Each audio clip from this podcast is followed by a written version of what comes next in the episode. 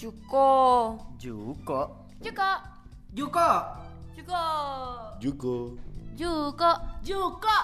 From jurusan komunikasi Binus University. Halo, perkenalkan nama saya Aurelia Benedikta Halim dengan NIM 254 013 4426. Pada hari ini, saya ingin menyimpulkan isi dari buku How to Think More Effectively karya The School of Life.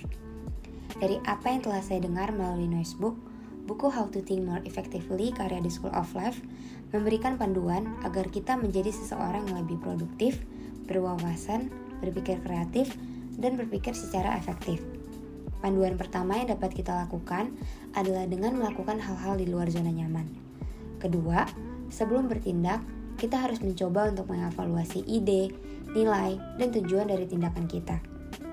Hal tersebut dapat dilakukan dengan cara mengetahui apa rencana kita yang akan kita lakukan, mengetahui berapa banyak waktu yang kita gunakan untuk menjalankan rencana tersebut, memberikan banyak waktu kepada diri sendiri untuk mengevaluasi dan membuat strategi itu, dan mencoba untuk melupakan ketidaknyamanan yang kita miliki.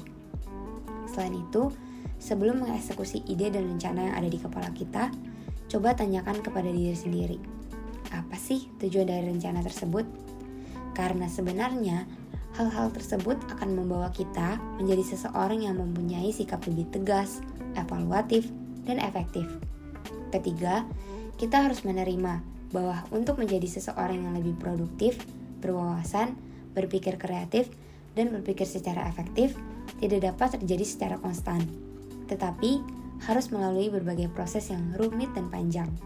Seringkali, kita juga harus beralih sebentar, karena ide yang berharga justru sering datang saat kita tidak berusaha untuk mencarinya, dan sering kali sulit untuk didapatkan.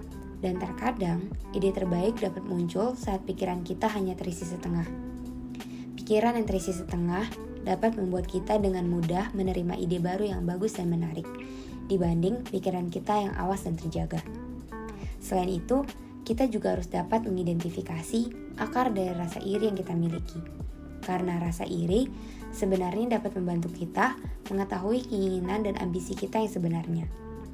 Sehingga, daripada menghindari perasaan iri, lebih baik kita mempelajari dan menganalisa apa yang rasa iri tersebut bisa ajarkan untuk kita.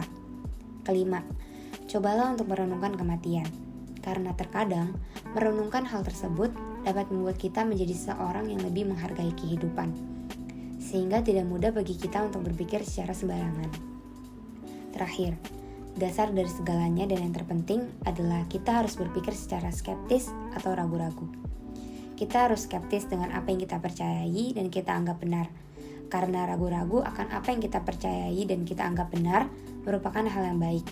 Dan ragu-ragu merupakan aspek inti dari berpikir dengan baik. Dan kebanyakan, pemikir terbaik adalah orang yang paling skeptis. Kalau kita tidak menerima bahwa kita bisa saja salah, maka kita tidak bisa memeriksa keyakinan kita secara kritis.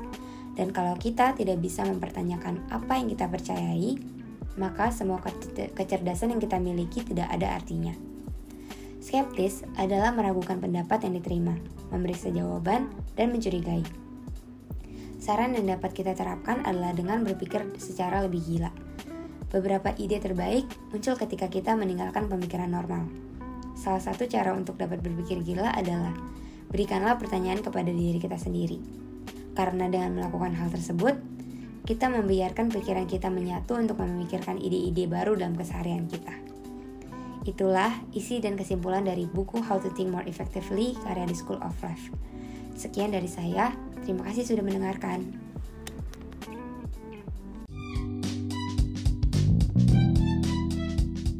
From jurusan komunikasi Binus University.